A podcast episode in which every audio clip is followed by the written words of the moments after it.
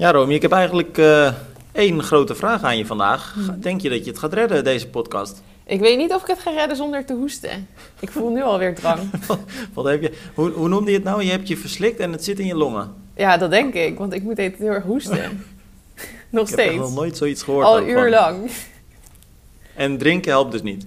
Want het zit in je longen. Ja, nee, volgens mij zit het... Het kan dus, hè. Als je je verslikt, kan het echt zo. Als je echt zo... Want ik ademde zeg maar in en ik was vergeten dat ik mond, uh, eten in mijn mond had. Zo ongeveer, snap ik bedoel?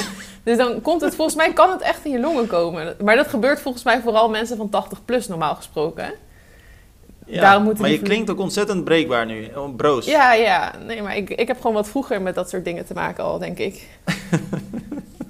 nou, in ieder geval, uh, we hadden net natuurlijk uh, kort toen we verbinding met elkaar maakten, heb je ongeveer uh, de helft van je longen uitgehoest op zijn minst. Ja. Kijk, daar ga je weer. Ja, het is echt heel irritant. Ik word er echt gek van. nou, we gaan kijken hoe het gaat. want we hebben best wel het een en ander te bespreken. en dan zit ik eventjes te kijken waar we eventjes mee zullen, zullen beginnen. Misschien laten we beginnen met de valpartij van Vincent Louis. Ik denk dat dat op zijn minst de meeste mensen bezig heeft gehouden de afgelopen dagen. Mhm. uh, want dat was natuurlijk tijdens Ironman 70.3 Indian Wells. Uh, nou ja, zijn eerste halve noemde hij het. Dat is misschien een beetje overdreven, want vorig jaar stond hij natuurlijk ook aan de start bij Challenge Daytona. Mm Goed, dat was de Daytona distance, dus dat was wel iets korter dan een halve. Mm hoe dan ook, hij ging aan de leiding op de fiets. Volgde de ja, leidersauto, zeg maar, de auto die voor de leider uitrijdt. Mm en ehm, die werd op een gegeven moment door een politieagent van het parcours afgeleid. Onduidelijk waarom. En dat deed die auto. Ehm, Vincent Louis ging de logische wijs netjes achteraan. En werd op dat moment uh, aangereden door een andere automobilist. Hmm. Kwam uh, hard en val. Uh, flink gavend, veel schaafwonden. Gelukkig niks gebroken. Kon zijn race wel vervolgen. Maar onder het bloed, onder de schaafwonden... Ehm, ja, verloor die twee minuten voorsprong op Lionel Sanders. Kwamen ze samen in de wisselzone en uiteindelijk tijdens het lopen bleek hij toch zo uh, gehavend dat hij uh, niet meer met Lionel Sanders in, ieder geval uh, mee kon. Werd nog wel tweede in de wedstrijd, maar mm -hmm. ja, zijn wedstrijd was eigenlijk wel bepaald al met die valpartij. Nou, wel heel knap en, dat hij tweede werd met al die verwondingen die ja, hij had. Want ik zag die foto uh, het was op zich best wel heftig. Kijk, ga je weer. Ja, ik knip het er straks wel uit, oké? Dan moet je me maar Nee, dat, ik, nou, ik ga ze gewoon tellen. maar, maar uh, want hij was best wel, los van het feit dat hij dus niks gebroken had... Uh, hij had flinke schaafwonden, want ook in zijn gezicht zat goed onder. Ja, zijn hele armen en handen en zo. Het zag er echt niet best uit. Maar ja, ik hoop dat het voor hem dus gewoon wel oppervlakkige verwondingen zijn alleen. Dat hij niks... Uh, Nou ja, gebroken zal hij niets hebben, want dan hadden we dat vast al wel gehoord. Maar toch kun je natuurlijk wel... Ja, echt een, als je echt een flinke klap maakt, dat je daar even, even last van houdt gewoon. Dat dingen toch niet helemaal goed staan en zo. Nee, het geluk is natuurlijk dat het nu uh, off-season is. In principe zijn er grote wedstrijden geweest. Uh, maar het punt wat daarna eigenlijk losbarstte, de discussie, um, dat was dat zijn vriendin Taylor Spivey, nou dat is natuurlijk ook niet per se de minste, mm -hmm. um, ook een eh, top triatlete, korte afstandsatlete, um, die uh, was erbij, die zat in een uh, volgauto, die kon blijkbaar uh, de wedstrijd volgen vanuit de auto. En die heeft het allemaal zien gebeuren. En die uit eigenlijk al tijdens de race ontzettend veel kritiek op Ironman. Uh, gaf gelijk aan dat ontzettend veel fouten werden gemaakt in de wedstrijd heel bizar. Het blijkt ook dat Vincent Louis eerst nog um, te horen kreeg dat hij een penalty zou krijgen ja. vijf minuten, omdat hij de auto heeft gevolgd. Nou, dat is uiteindelijk niet gebeurd. Ligt iemand helemaal gehavend op de grond en dan zeggen: ja, ja, zou je nog even vijf minuten langer willen blijven staan, want uh, je hebt ook een penalty. Dat, dit doet me denken aan een verhaal op mijn middelbare school. Dan gaan we even uitweiden. Oké, okay, Toen liep ik uh, op de gang, want toen, toen moesten we in de les zitten en toen liepen we, uh, liep ik met een paar vrienden op de gang, waren we een beetje kattenkwaad aan het uithalen. Mm -hmm. Maar dat ging niet helemaal goed en toen probeerde ik weg te duiken. Ik zal maar niet per se vertellen wat we allemaal aan het doen waren, maar toen dook ik weg voor een leraar als het ware op de gang en toen klapte ik met mijn hoofd op een brandkast. En toen had ik een, echt een enorm gat in mijn hoofd. Het bloed stroomde echt door die hele gang heen. Oh mijn god. En toen, kwam, en toen moest ik natuurlijk naar de conciërge en die ging het dan helemaal in verband doen. En toen moest ik vervolgens naar het ziekenhuis. En toen kwam de directeur, de, de hoe heet het, de rector, mm -hmm. die kwam um, dat kamertje binnen. En toen keek hij me zo aan. En, en toen dacht ik, nou, hij zal wel uh, zeggen vervelend yeah. of uh, sterk of weet ik veel wat. Yeah. Maar toen zei hij dus tegen me, ja Tim, dan moet je maar gewoon in de les zitten. Dan moet je niet op de gang lopen. oh, erg. Ja, bizar. Maar, maar goed, goed, hij had natuurlijk wel een punt. Ja, en even waarschijnlijk had je daar ook al twintig keer eerder gezeten, hè, dat jaar bij hem. Ja, nou ja. ja. maar niet met een gat in mijn Nee, oké. En nu moest hij in één keer medelijden met je hebben. Nu, ja, dat zou toch op zijn minst wel uh, netjes zijn. Waarschijnlijk was dit waar hij al die tijd al van droomde. Het was eindelijk gebeurd. nou ja, laten we teruggaan naar uh, Vincent Louis. Mm uh, maar, maar zijn vriendin is echt... Ja, die Taylor Spijver dus, die is echt pissig. Want ja, ook ik. na de wedstrijd heeft ze nog... Um, uh, uh, gezegd, en dan ga ik het eventjes citeren. Het is bizar hoe vaak dit soort dingen gebeuren mm -hmm. bij Ironman races. Vooral tijdens de pro-races en bij de leiders in de wedstrijd. Mm -hmm. Voor wat mensen betalen, moet de organisatie en de veiligheid een stuk beter dan we nu steeds zien. De mensen die verantwoordelijk zijn voor de veiligheid van atleten, zouden niet extra in gevaar moeten brengen. Ja, ja terecht of niet, Romy? Los van het feit dat die laatste zin natuurlijk sowieso uh, terecht is. Maar heb ik... jij het idee dat het inderdaad een groot probleem is? Ik vraag me nog steeds een beetje af hoe het is gebeurd. Maar het is wel, je hoort dit soort verhalen wel met enige regelmaat. En ja, dan is het toch wel raar dat dan. Ja, ik vraag me dus nou ook echt heel erg af hoe dit nou in vredesnaam zo kon gebeuren. Want er is geen video van of zo. Je, je kunt niet zien hoe het precies ging. Maar ja, ik vind het wel een lastige. Want Um, de organisatie is natuurlijk wel echt verantwoordelijk voor. In dit, in dit, geval is het ook echt de organisatie die zelf dus de schuld heeft. Um, in plaats van dat het een of andere gek is op de openbare weg.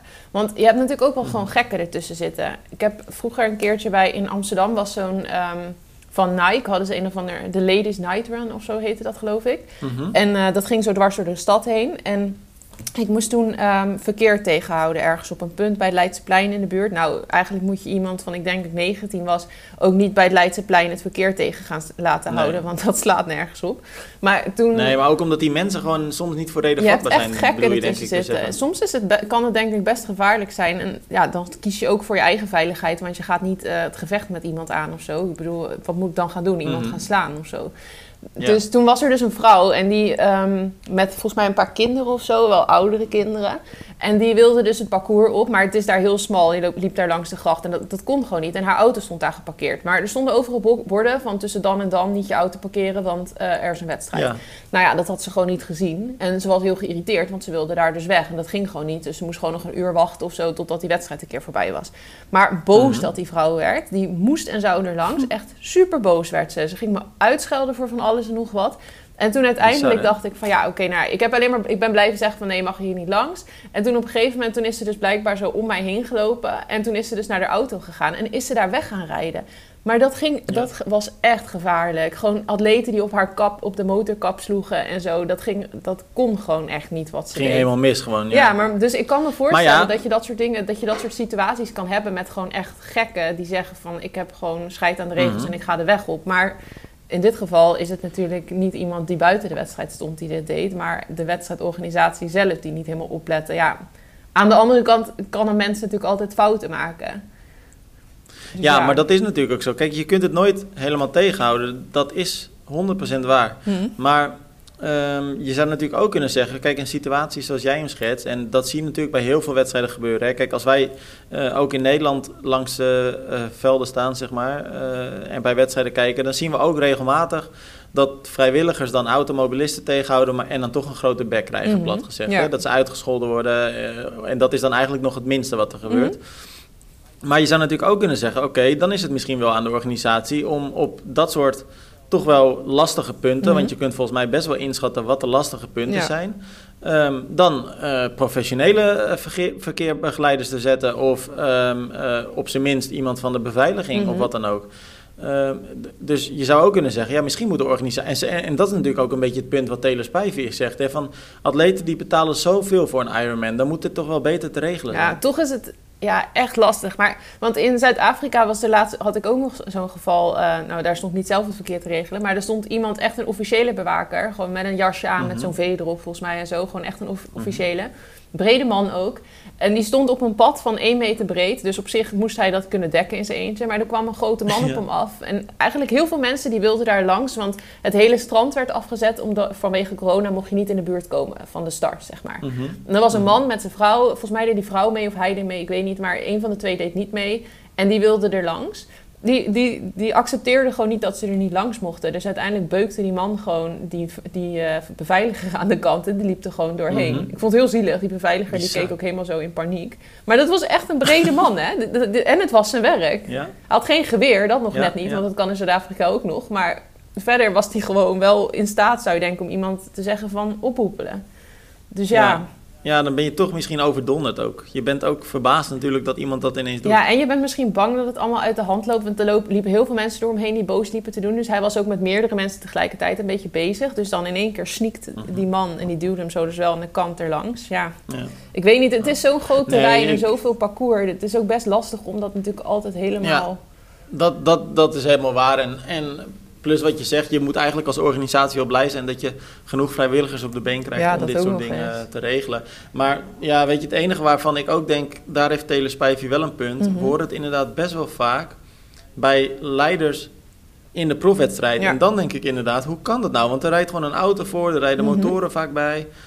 Dan zou je toch zeggen, er moet wel iets die zouden juist, nauwkeurigheid in. Ja, die zouden heel veilig moeten zijn juist. Ja. ja. Maar goed, het is, uh, het is gebeurd. Het is vervelend. Het heeft de wedstrijd eh, enigszins bepaald. Mm Lionel Sanders uh, sterk. Ondanks dat hij natuurlijk dan uh, iets tekort kwam eigenlijk uh, op Vincent Louis waarschijnlijk. Maar nu kon hij de wedstrijd mooi afmaken. Jelle Geens, mooi debuut, derde. Had een penalty van vijf minuten aan zijn broek. Ja, de Nederlanders die vielen tegen althans. hoe heet het? Tristan Olij werd, ik geloof veertiende, maar dat was nog steeds niet helemaal duidelijk. Mhm. Omdat de timing app problemen had. Ja, ik dacht eh, eerst dat hij niet gestart zou zijn of zo. Ik vond het al heel raar. Ja, daar leek het inderdaad ook op. Hij was helemaal uit de, uit de timing. En later kregen we dan een berichtje van dat er toch iets mis was gegaan met die uh, chip. Uh, maar goed, 14e, laten we zeggen 14e. Het zou dus kunnen dat hij misschien iets hoger of iets lager finiste, maar op zich netjes. Mm -hmm. Maar Jorik uh, kwam er totaal niet aan te pas. Jorik van Echtdom. En uh, finiste echt op, ik geloof, bijna 25 minuten achterstand. Mm -hmm. Ja, Gek hoe groot dat verschil dan kan zijn. Hè? Dat je dan de ene keer zo sterk race. Want het was volgens mij Cascai. Nee, was niet Cascai. Was die ook niet op zijn nee, allerbest. Salau. Salau. Toen was hij heel sterk. Maar dat verschil Ja, maar goed, daar was het natuurlijk een... Ja, maar daar was het natuurlijk ook een duurlon, hè? Mhm. Dat is ook in zijn voordeel. Ja, maar toch nu met lopen. Hij liep ook gewoon... Hij had trouwens ook een penalty. Zei je dat net al? Toch, volgens mij? Had hij ook ja, hij had ook een penalty. Maar hij liep ook ehm, gewoon vervolgens echt niet meer sterk. En normaal kan hij gewoon echt wel goed lopen. Dus als je zeg maar zijn loopniveau van Salau vergelijkt met het loopniveau van afgelopen weekend... en dan in Salau had hij ook nog eens, moest hij twee keer lopen... dan verbaasde het me mhm. wel hoe groot het verschil is. Maar ja, dat of gewoon echt een Ja, maar volgens mij maak je nu ook een... Maar volgens mij uh, ga je nu ook voorbij aan iets belangrijks. Want mhm.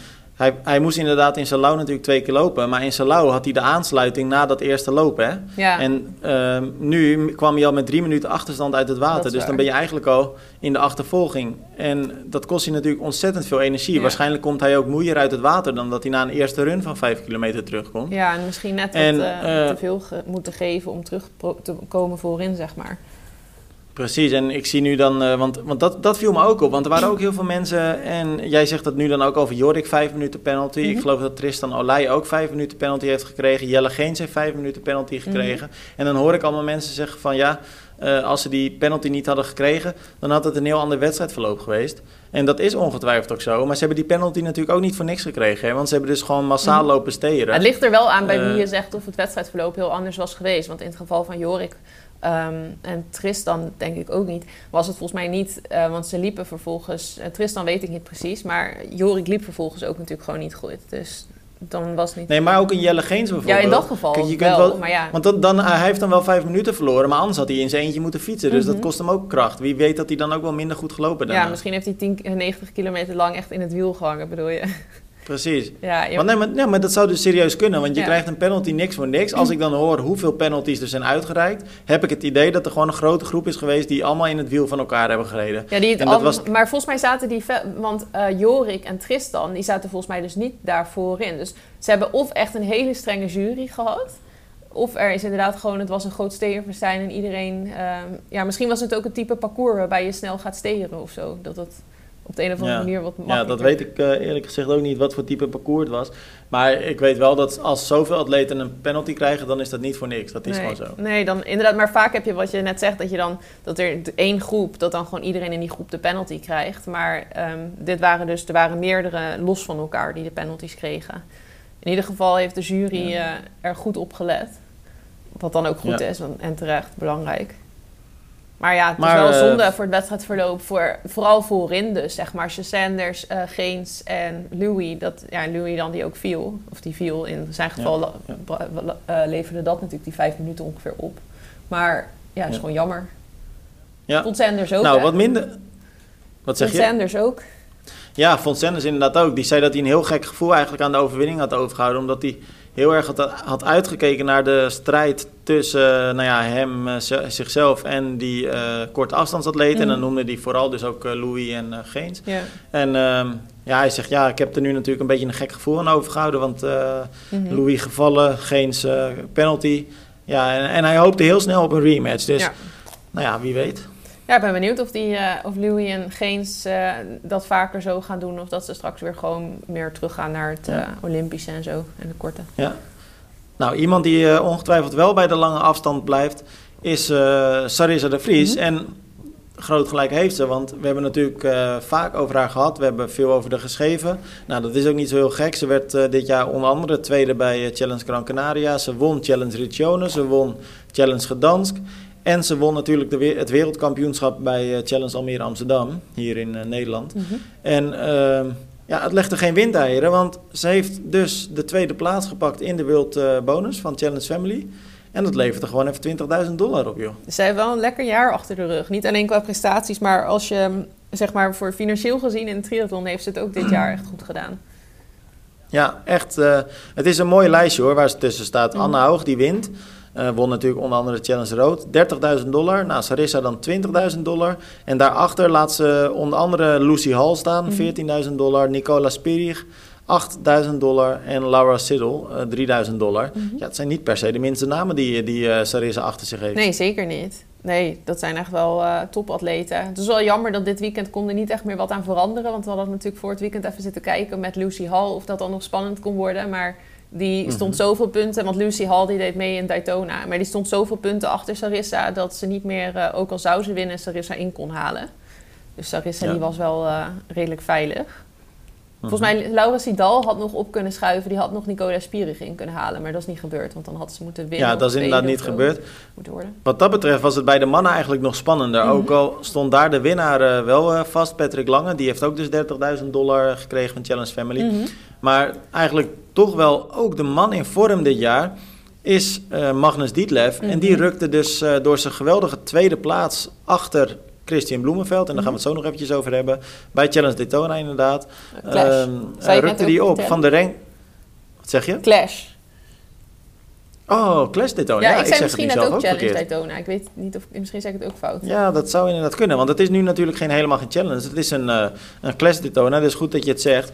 Uh, maar in ieder geval, daar werd Dietlef dus tweede. En um, ja, hij pakte daarmee uh, heel wat geld. Want hij uh, rukte op van een achtste plaats naar een tweede plaats in het klassement. Ging gewoon heel veel mhm. gasten nog voorbij op het laatste moment.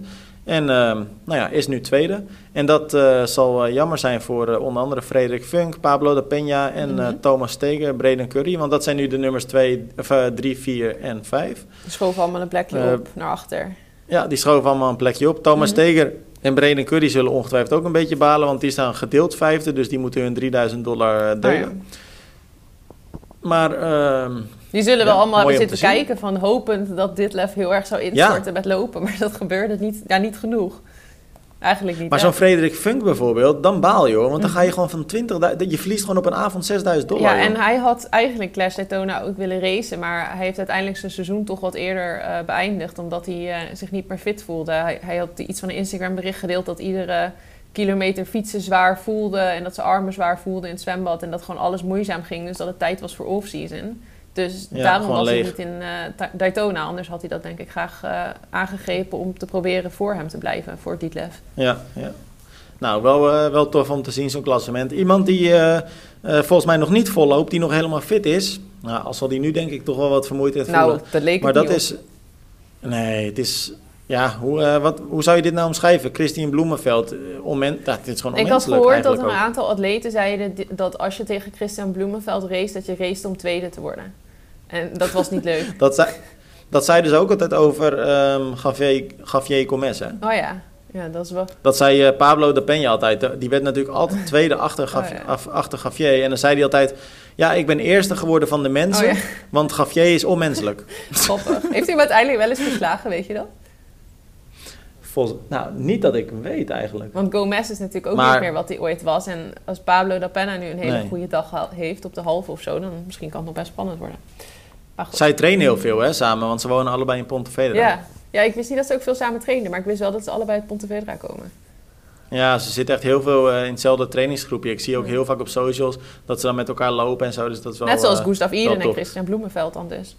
Ja, alleen zij doen het iets succesvoller nog. Want eigenlijk alles wat zij aanraken verandert nu in goud. Ja. En uh, ja, wat moet je hier nog over zeggen? Ik bedoel, hij, hij zet de snelste tijd ooit op een long distance neer. Mm. Twee weken later hij weer dit.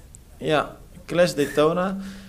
Maar hij moest er wel even voor strijden, want die Dietlef... Nou, maar ik had niet het idee dat hij er echt... Volgens mij heeft hij met fietsen ook wel gedacht van... nou, ik kan hem zo en zo ver weg laten gaan... en dan loop ik uh, gewoon zoals ik loop, zeg maar... en dan pak ik hem wel, denk ik.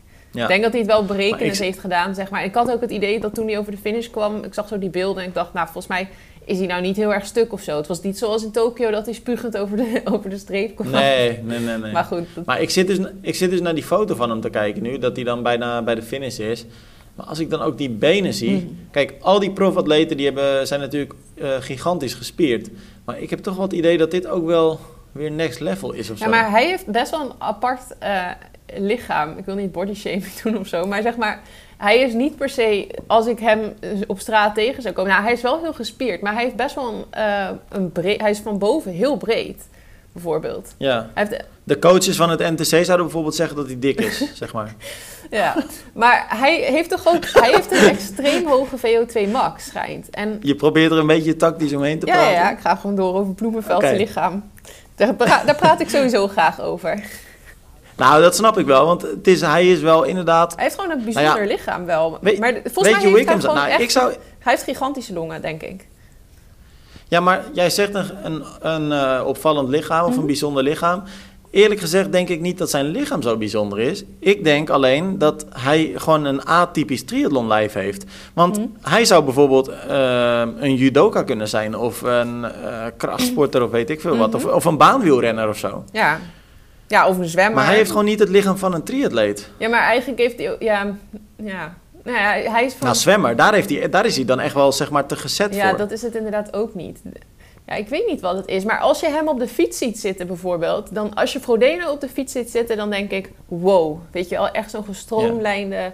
ja. ik weet niet, zo'n tijdrijder ook gewoon of zo is dat mm -hmm. om te zien. Maar als je Bloemenveld op de fiets ziet zitten, dan... ja, vind ik dat niet er per se... vind ik het niet super mooi eruit zien of zo.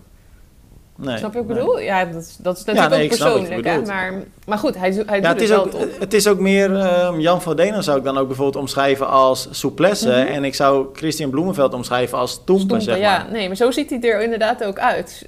Stoemper. Ja. Gewoon kracht. Ja, maar ook hoe die rent. Want ook zijn looptechniek is heel erg... Ja, lompig. Werken. Het ziet eruit als werken. Ja, maar hij gaat super hard. Hij ja, ik denk dat hij echt dat hij heel veel kracht heeft. Ja, en, want het, ja, en die hoge VO2 max. Volgens mij helpt dat hem ook gewoon. maar dit vind ik ja, ook mooi. Dat... Dat, je, dat, jij, maar dat jij dan zegt, ik denk dat hij heel veel kracht heeft. Ja, ja dat, dat, denk ik ook wel, ja. Je had mij in de gym eens bezig moeten zien van de week, joh. Ik nou, ik zag jou... Ik heb er één woord voor, pompen. Ik zag Niet je echt normaal. pompen. Het was een filmpje en die gewichten, die, die pasten eigenlijk bijna op dat... Of nauwelijks op dat filmpje. Heftig, hè? Was, het was echt heftig. Hoeveel, was dat 800 kilo? Of? Nee, het was 20 kilo. Dus het stelde maar heel weinig voor. Maar ik ging wel even heel erg pesten. Want die ging squats doen zonder gewicht. En ik had net daarvoor had ik de squats gedaan. Helemaal met die stang helemaal uitsloven en zo. Dus toen zat ik, ja, wie is hier nou de topatleet? Ja. ja lijkt me wel duidelijk. Maar uh, je hebt, ik heb het idee dat je wel uh, uh, weer lekker aan het trainen bent nu de laatste tijd, ja, of niet? sinds vier dagen of zo. Nee, langer. Want je stuurde eerder ook al een, film, een, een uh, foto uit het, ik geloof het, het, zwembad of zo. Wat was het? Ja, ik denk een week of zo dat ik nu een beetje weer okay. heb gedaan.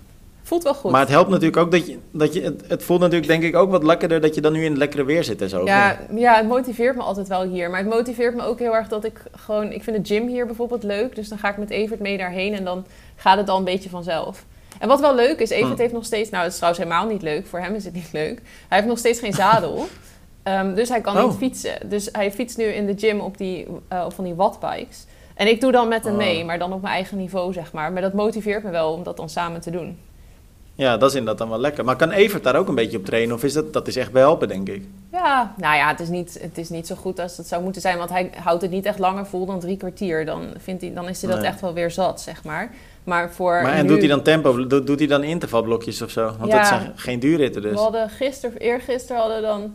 ehm, ik weet niet wat zijn wattage dan eigenlijk moet zijn. Maar we noemden het 10 keer 1 minuut pijn.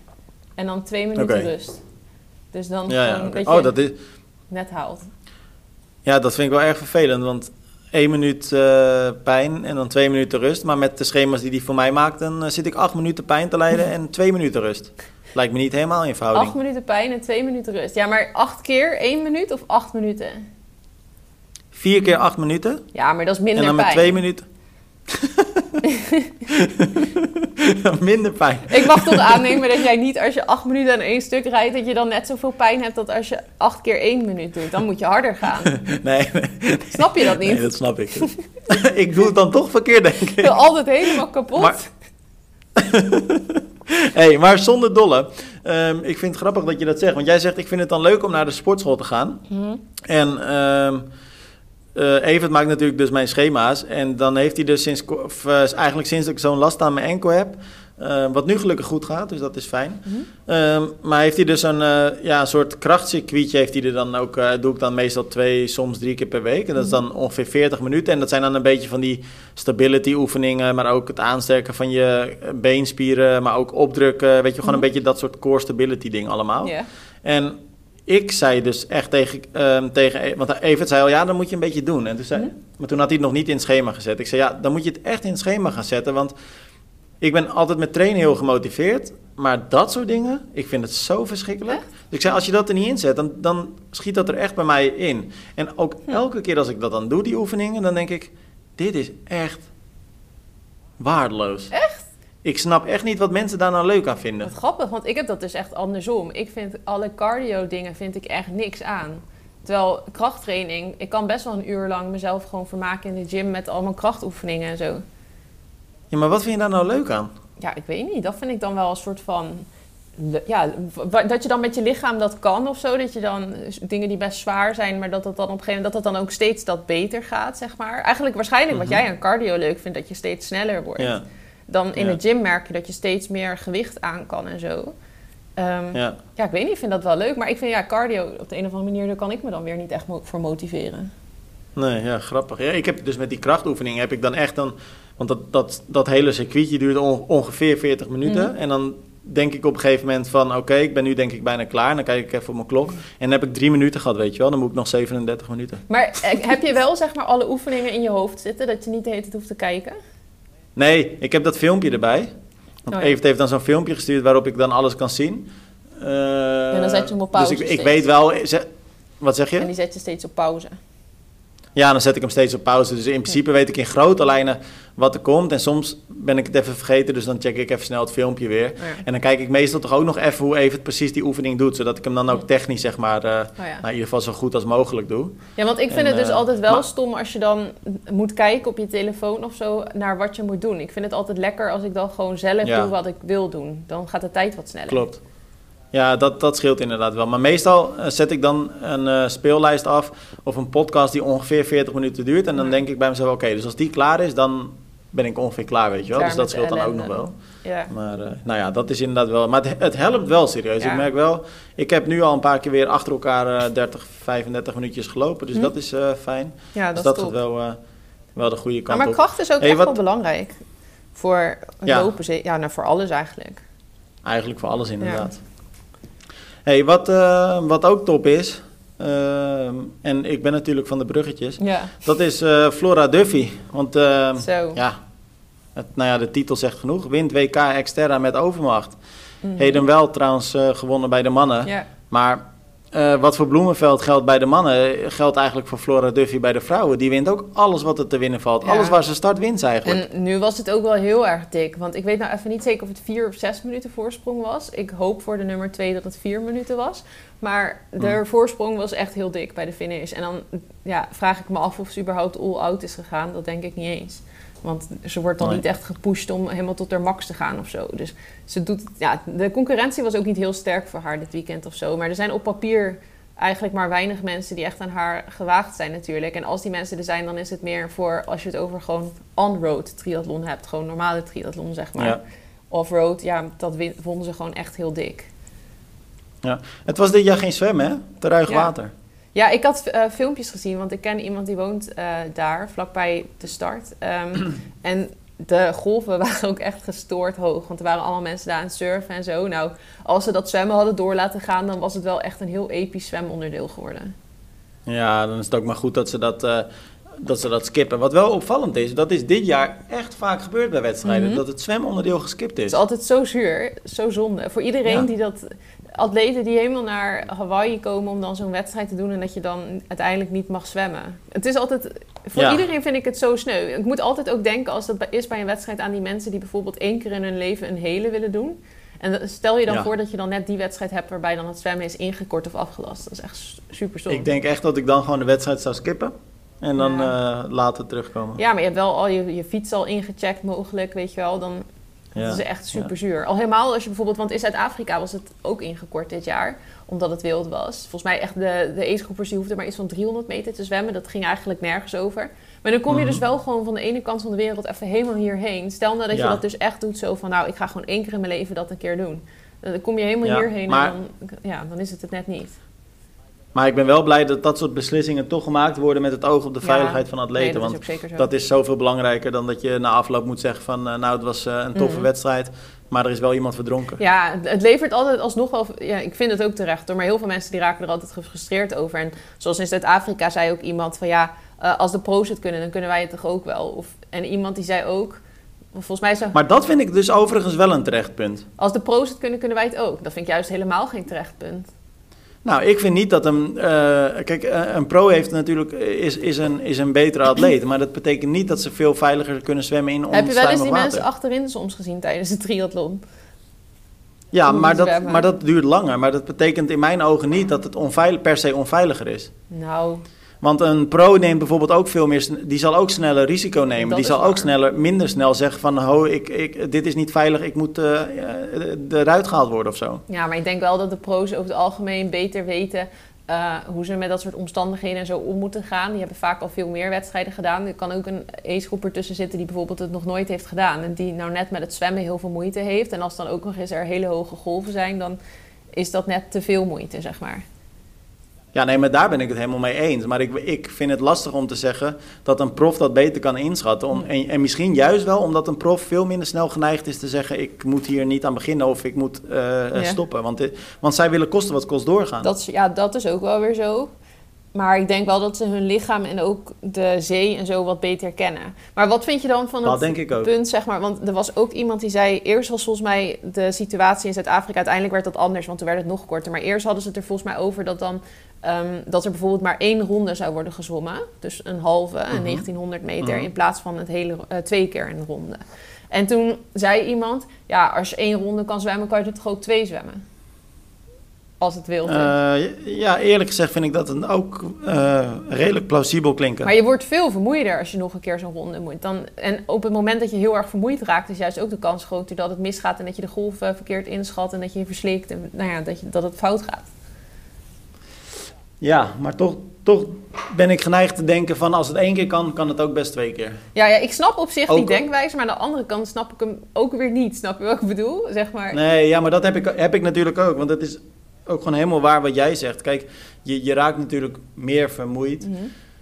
Eh, maar ik denk eigenlijk dat juist omdat je deze discussies ook niet wil hebben, zeker niet op de wedstrijdlocatie, mhm. moet je ook nooit zo'n besluit maken. Volgens mij moet je gewoon zeggen: het is veilig of het is onveilig. En als het onveilig is, dan is het gewoon voor iedereen niet zwemmen. Dus vond je het een slechte keuze? Dan denk je dat, zoals wat ze in Zuid-Afrika hadden gedaan, dat de ace-groepers dan 300 zwommen en de profs die zwommen volgens mij iets van 700 of zo. Ik weet niet meer wat het precies was. Ja, ik vind dat een, raar, ik vind dat een rare keuze. Ja. ja. ik vond het wel een prettige keuze, omdat je um, dan wel een fijnere verdeling hebt met hoe atleten de fiets, fiets op gaan. Want anders krijg je dus of een looponderdeel. Nou, dat is op een hele triathlon al niet prettig als je aan het einde van de dag nog een marathon moet doen.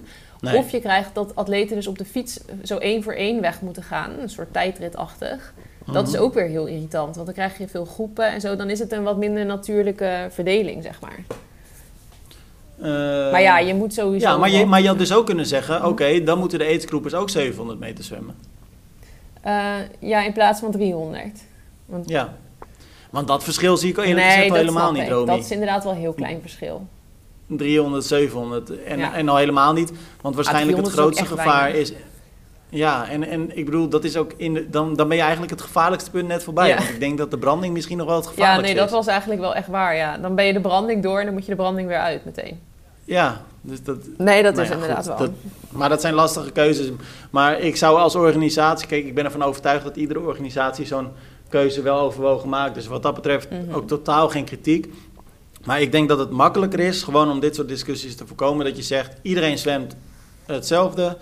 En als er niet gezwommen wordt, geldt dat ook voor iedereen. En laten we geen onderscheid maken. Want anders kun je ook straks zeggen, Romy, laten we de mannen 800 meter zwemmen en de vrouwen 500. Ik zeg maar ja, wat, hè? nee, dat is, ja... Ja, daar moeten we niet naar terug. Dat ze gaan zeggen, oh, de vrouwen die kunnen minder. Die mogen niet een marathon Maar dat is, eigenlijk wat de PTO, dat is eigenlijk wat de PTO nu al doet met hun klassement, hè? Hoe bedoel je? Nou, die, zeg maar, die klassementen zoals de PTO, die rankings, die, die mhm. PTO World Ranking uh, maakt, of hoe dat ook heet. Mhm. Ehm, dat, dat gaat op basis van punten. Ja. Als je dan bijvoorbeeld naar Challenge Road kijkt, toen won um, Anne Haug echt mhm. met, ik, ik weet niet uit mijn hoofd, ik denk 35 minuten voorsprong of 40 minuten voorsprong. Ja. En dat betekent dus dat in verhouding op zo'n wedstrijd Anne Haug heel veel punten verdient. En Laura Siddle, die werd toen tweede of derde, geloof ik. Eh, die, die kreeg, er was, stond ze op het podium, maar kreeg ze heel weinig punten mhm. omdat ze um, zo ver achter lag. Nou, dat vind ik redelijk plausibel. Ja, want het startveld dus is ook beperkt dan. Dus een zwak Precies, maar wat, ze dus ook, maar wat ze dus ook doen in die ranking... Mhm. is dat ze de mannenwedstrijd, de tijd van de mannenwedstrijd... Mhm. vergelijken met de tijd van de vrouwenwedstrijd. En dan zeggen ze dus dat als bijvoorbeeld um, een mannenwedstrijd ontzettend snel was... zoals in rood... Ja en de vrouwenwedstrijd eigenlijk uh, ontzettend langzaam. Mhm. Los van de tijd van Anne Haug, die wel heel snel was, maar die andere twee die waren langzaam. Mhm.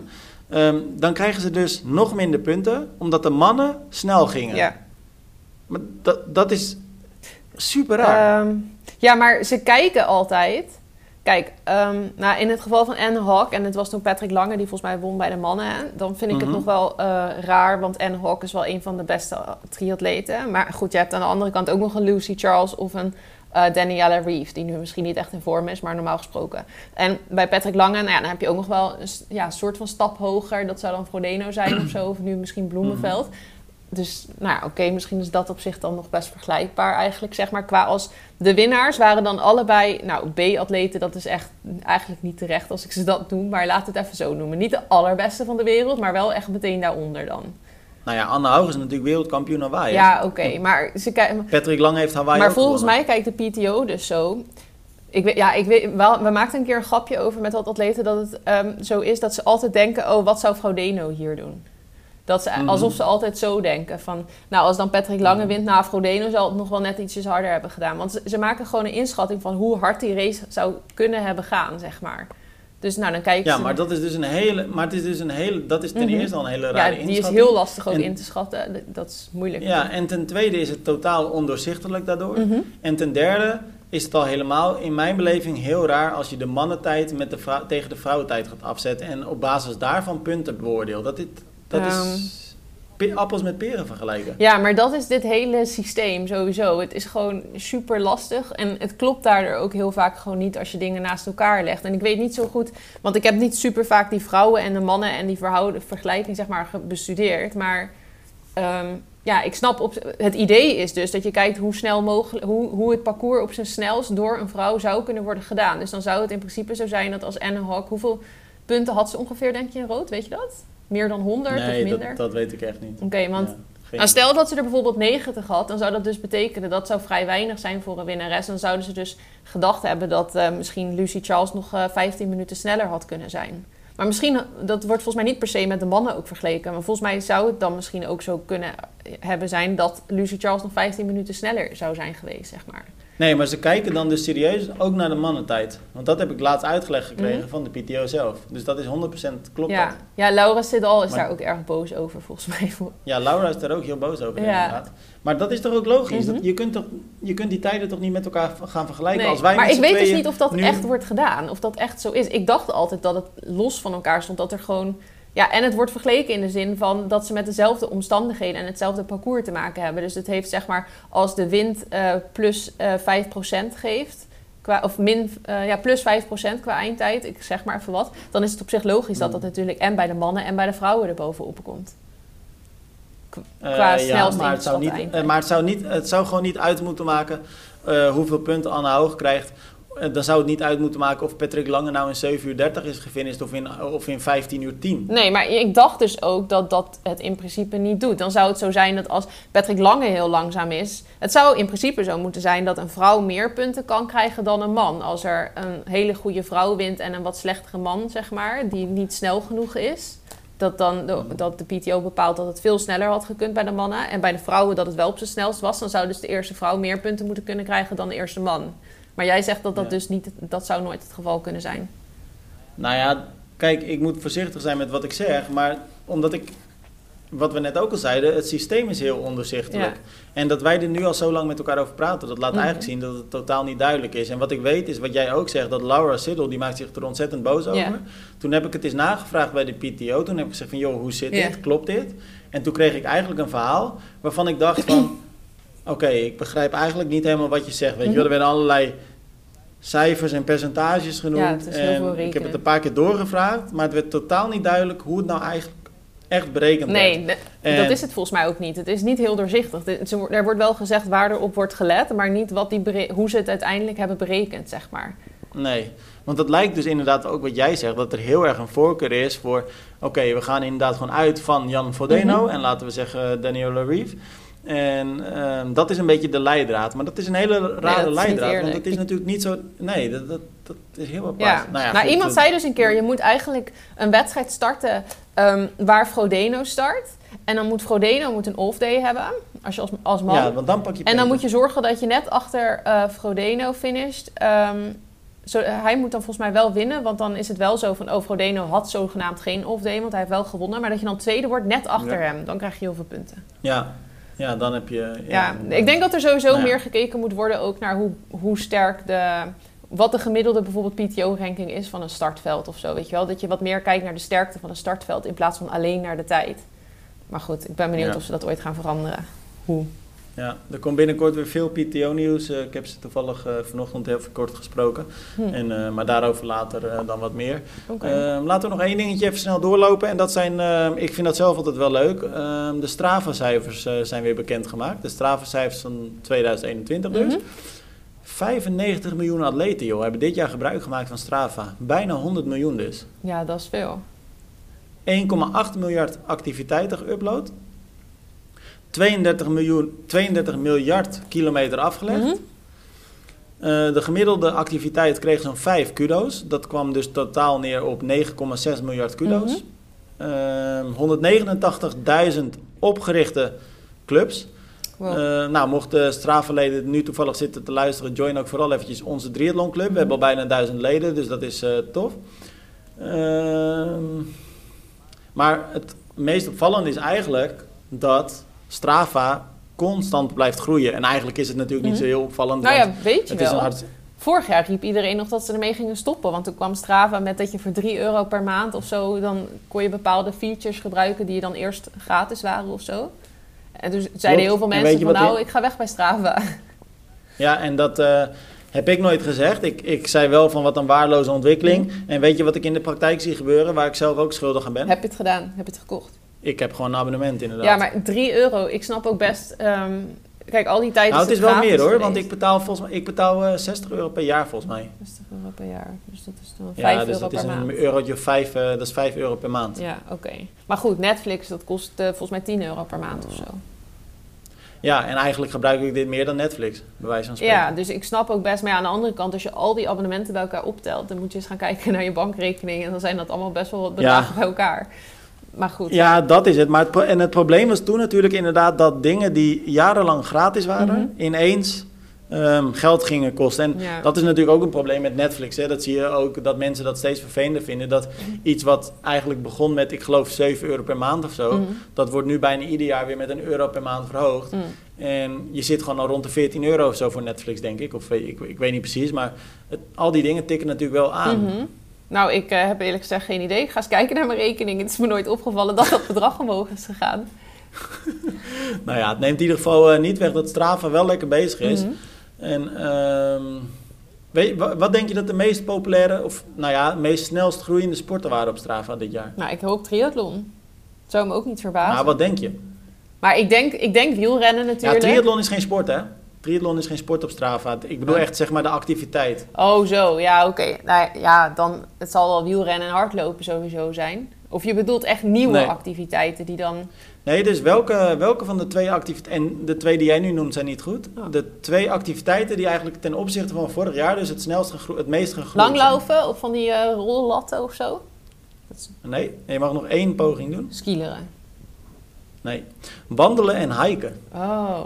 Ja, maar ja, omdat misschien nu mensen dat ook meer op Strava gaan zetten of zo dan. Ja, en ik denk ook misschien door COVID, omdat heel veel mensen dus thuis zijn en dan toch vaak even tussendoor een rondje gingen wandelen. Maar daarom dacht ik eigenlijk juist dat wielrennen en hardlopen ook Want die hardloopzaken en zo, die, gingen die, die waren toen ook echt allemaal uitverkocht en zo. En ja, voor wielrennen geldt hetzelfde. Het was allemaal niet aan Maar weet je hoe dat denk je komt? Ik denk dat dat komt omdat vorig jaar werd er natuurlijk... Strava wordt in principe het meest gebruikt door mensen die hardlopen en fietsen. Dus die groei is natuurlijk wat kleiner dan. Ja, die deden dat al gewoon. Ja, die deden dat wel. Hm. Nou, ik ga voortaan nou, mijn loopjes ook uh, eens uh, uploaden. Kan ik ook nog eens wat kudo's krijgen. Ja, ik zal de eerste zijn die je kudo's geeft natuurlijk. Fijn. maar uh, één leuk feitje nog. Want de betaalde leden van Strava die kunnen ook eh, met, met ja, de Maps-functie kunnen ze nieuwe routes maken natuurlijk. Mhm. Ik gebruik dat zelf ook heel veel. Dat is wel leuk als je dan een nieuw fietsrondje of zo Weet je wel, dan kun je gewoon op de map kun je dan aanvinken van oké, hier wil ik starten, ik wil via daar, daar, daar rijden en hier wil ik eindigen. Is dit spon? Nou, dan krijg je automatisch. Wat zeg is dit spon? Spon? Spon, ja, hashtag spon. Sponsoring. Wat is dat? Nou, dat je reclame maakt voor Strava, nee, nee, dat je nu mensen een abonnementje aansmeert. Nee, helemaal niet, want uh, ik betaal zelf voor Strava. Dus.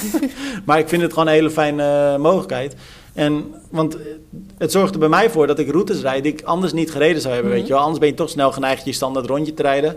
En, uh, maar goed, dat is, ik vind dat dus een leuke mogelijkheid. Ja. Maar er zijn dus dit jaar 120 miljoen routes gemaakt door mensen. Oh ja, ja, want jij hebt dat dus ook wel eens gemaakt, toch? Of ge, ja. opgezocht? Ik doe dat best vaak. Ik, nou, allebei. soms rijd ik dan wel eens routes van anderen.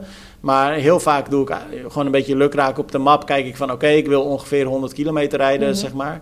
En dan, uh, nou oké, okay, start de Zeewolde. En dan denk ik, nou oké, dan kan ik daar, daar, daarheen. En dan, nou ja, dan rij je gewoon zo'n rondje. En ik laat hem dan in, uh, in één keer in mijn, in mijn Wahoo. En dan, uh, ja, je hoeft alleen maar het lijntje te volgen. Dus super top. Ja, dat is wel super leuk. Ja, dan weet je wel, dan hoef je niet zelf op de fiets te gaan zoeken. En dat, je, dat het dan heel erg tegenvalt. Of zo. Nee, maar dat had ik dus laatst gedaan. Hè. Daar was ik ging ik uh, gravelbiken mm en uh, gravelen. En toen uh, hier op de Veluwe. Toen had ik ook een mooie ronde gedaan. En toen moest ik drie uur fietsen. Mm Dus toen had ik een ronde van, ik geloof, 70 kilometer uitgezet of zo. Mhm. en toen merkte ik eigenlijk al vrij snel op de fiets dat ik een beetje zware benen had. Dus ik dacht, nou, ik ben blij dat ik er ben. En toen was ik echt op het verste punt van die route. Mhm. En toen hadden ze van die... Je hebt dan wel eens dat die boswachters die paden afzetten, weet je wel. En toen dacht ik, ah, fuck, weet je wel. En mhm. toen uh, um, dacht ik, ja, wat nu? Dus ik, toen dacht ik, nou oké, dan ga ik gewoon eentje eerder sla ik af. En dan mhm. kijk ik wel hoe die GPS herstelt. Want dan zoekt hij vaak zo'n nieuwe route. Mm maar dat deed hij dus op een gegeven moment niet. En toen heb ik daar een beetje lopen dolen. Mhm. En toen uiteindelijk heb ik maar dat schermpje zeg maar helemaal uitgezoomd, zodat ik weer het startpunt kon zien. En toen ben ik zeg maar op het oog dan richting de start teruggereden. Oh ja, toen dacht ik wel, dit is natuurlijk wel weer waardeloos. Dat is niet zo'n relaxed rondje. Maar dat kunnen ze natuurlijk niet echt weten zeker. Of dat dan zo'n boswachter Nee, dat kunnen ze niet weten, want dat, kunnen, dat staat natuurlijk niet online. Ik zit nu naar Zeewolde te kijken. Hoe kom jij naar de Veluwe? Moet je dan daar boven over zo'n brug of zo? Uh, bij Harderwijk. Oh, en dan ga je, de, ga je bij hier, dan ga ik dan, uh, ja, je kan ook ergens anders, maar Harderwijk en dan pak ik Hierde, dat is dan vijf kilometer verder. En daar ga je dan inderdaad het spoor en de snelweg over en dan zit je op de mm. Veluwe. Ja, dan ben je er ook al best wel snel. Maar jullie hebben zelf bij Zeewolde niet echt een brug of zo, toch? Nee, wij moeten even die, uh, dat grote water moeten we omrijden, zodat je in de Harderwijk komt. En dan uh, ben je er. Hm. Maar je, ik kan dus vanaf Zeewolde, zag ik, helemaal via de Veluwe helemaal naar Arnhem rijden ook, hè? Ja, dat is denk ik ook wel echt een mooie route. En dan kan je nog bij Arnhem de postbank meepakken. Maar dan ben je wel lang onderweg. Ja, ik zat het een beetje te bekijken. volgens mij valt het op zich nog wel mee. Want ik denk dat ik in, in ongeveer 65, 70 kilometer in Arnhem ben, ben of zo. Nou ja, ik dacht altijd dat als ik naar Zeewolde rijd, dat het 90 kilometer was rijden. Ja, met de auto dan? Ja, precies. Maar dan rij je natuurlijk ook om. Ja, want ik denk dat ik met de fiets 70 kilometer of zo Ja, dat zal wel, want dan rij je natuurlijk dus via Harderwijk en ik rijd er helemaal omheen. Maar goed, whatever. Pak ik dan ook de ijs... Uh, Wij moeten het sowieso niet over topografie hebben. we nee, dat niet doen. Ik denk dat, ik, uh, denk dat het sowieso tijd is om uh, een eind aan te gaan breien. Ik dacht, het is misschien nog even leuk om te noemen dat jij gisteren bij de radio zat. Dat je weer vreemd ging. Ja, ik ben wat dat betreft niet echt trouw aan jou. En ik moet wel zeggen, dat NPO 1, Radio 1, daar was ik. Mhm. En het kan toch niet tip aan onze podcast hoor. Het is wel wat dat betreft een beetje amateuristisch daar allemaal.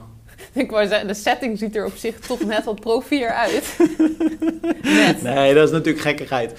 Dat was echt uh, hartstikke leuk. En het was heel leuk om daar uh, te mogen zijn. Ik, ik heb natuurlijk ook journalistiek gestudeerd, dus ik vond het mhm. sowieso tof om een keer... Uh, ik, ik, radio heb ik eigenlijk nooit zo heel veel van meegekregen, ook in mijn studie niet. En, dus ik vond het heel leuk om dat te zien. Je hebt ook wel echt een ehm, radiohoofd. Het zou eigenlijk wel wat voor jou zijn. God, god, god, god, god. ja. Grapje. Goed verhaal. Het is ook echt zo'n zo'n grapje die dan grappig was toen je in groep 6 zat. Jammer dat je er zo slecht mee om kan gaan. Ja, ik kan heel slecht uh, met kritiek omgaan, ook wat dat betreft. Dus, maar hey, je zat er voor Jonas uh, Dijgman. Die, uh... Ja, en dat was natuurlijk hartstikke tof. Mm -hmm. ja, ik ben even de draad een beetje kwijt. maar um, wat natuurlijk hartstikke tof was, Romy, um, dat wij gewoon benaderd werden door Radio 1 dat ze ons artikel hadden gelezen mhm. over die Jonas Dijgman. En voor de mensen die het misschien nu even niet paraat hebben, Dijgman is die uh, man, die, uh, die Duitser, die um, uh, de hele wereld rond is getriathlond. Hij is in Duitsland gestart, is hij naar Kroatië gefietst.